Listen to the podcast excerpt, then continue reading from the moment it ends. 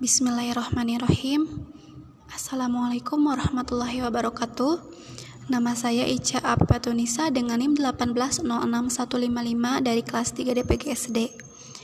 Dalam kesempatan kali ini, saya akan sedikit memaparkan pengalaman saya uh, tentang bagaimana dulu saya belajar bahasa Inggris di SD. Sedikit yang saya ingat dulu itu jadi siswa siswanya disuruh untuk uh, mengisi biodata seperti nama lengkap, hobi, cita-cita, dan lain sebagainya. Kemudian dibantu oleh guru untuk menerjemahkannya ke dalam bahasa Inggris. Kemudian setelah itu uh, guru mencontohkan pelafalannya, bagaimana cara membacanya dalam bahasa Inggris. Setelah itu uh, siswa disuruh untuk membacakannya di depan kelas. Satu lagi yang saya ingat kalau tidak salah itu dalam pembelajaran mengenal nama-nama hewan, transportasi, anggota tubuh. Nah, jadi si gurunya ini membawa uh, media pembelajarannya. Saat itu tuh guru membawa uh, gambar ikan, jadi mengenal nama-nama hewan.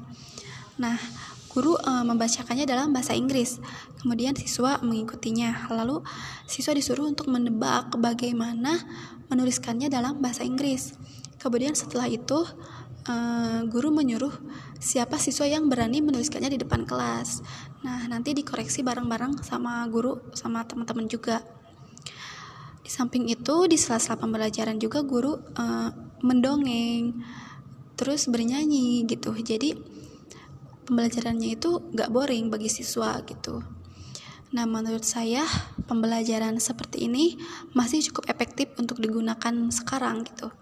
Karena dengan adanya media pembelajaran ini uh, siswa terstimuluskan gitu. Uh, juga pembawaan gurunya yang interaktif dan ekspresif membuat siswa itu antusias untuk belajar itu saja dari saya. Uh, terima kasih atas perhatiannya dan mohon maaf, mohon maaf atas segala kurang kekurangannya. Uh, wassalamualaikum warahmatullahi wabarakatuh.